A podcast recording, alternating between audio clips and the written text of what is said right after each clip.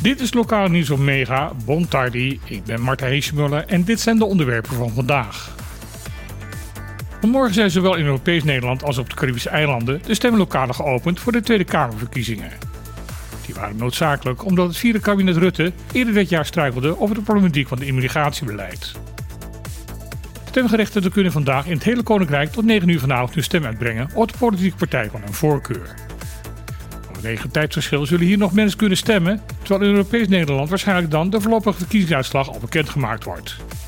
De stemmen uit de Cariben worden wel meegeteld in de definitieve uitslag die aanstaande vrijdag bekendgemaakt zal worden. Op het laatste moment heeft de UPB als enige partij op Bonaire vanmorgen nog een stemadvies uitgebracht. De partij adviseert haar leden te gaan stemmen op CDA, D66, ChristenUnie, Partij voor de Dieren of Nieuw Sociaal Contract.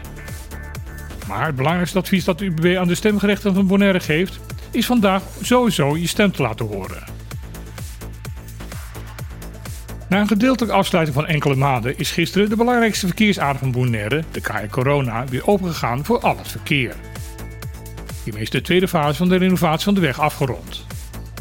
Met het laatste deel van het werk, de derde fase, wordt echter voorlopig nog niet mee begonnen. Volgens bestuurscollege van Bonaire komt dit omdat er de laatste maanden nieuwe ontwikkelingen zijn geweest in het gebied rondom de Kai Corona.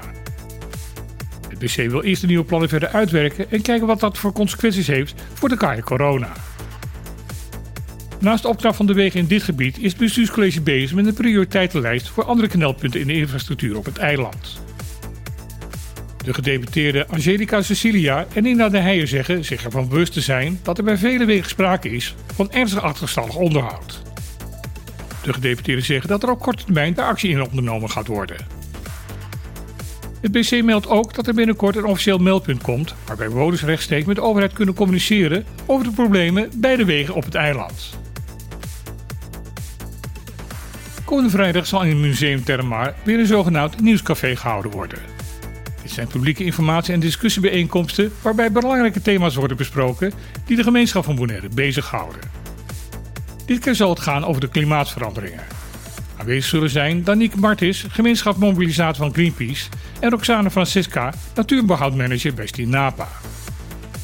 Zij zullen informatie geven over wat er momenteel klimatologisch aan het veranderen is op Bonaire en wat de gevolgen hiervan zijn op lange termijn. Daarnaast zal er uitgebreid gelegenheid zijn voor het publiek om het experts vragen te stellen en over dit onderwerp met elkaar te discussiëren. De avond begint om 7 uur en is gratis toegankelijk. Kom wel op tijd, want het aantal plaatsen is beperkt. Danique Martens en Roxane Francisca zullen een dag later de klimaatproblemen ook bespreken in het programma Op de Klippen op deze zender. Ze gingen er met een ongekende grote delegatie naartoe en kwamen met een ongekende hoeveelheid medailles weer terug. De tennissers van Beach Bonaire.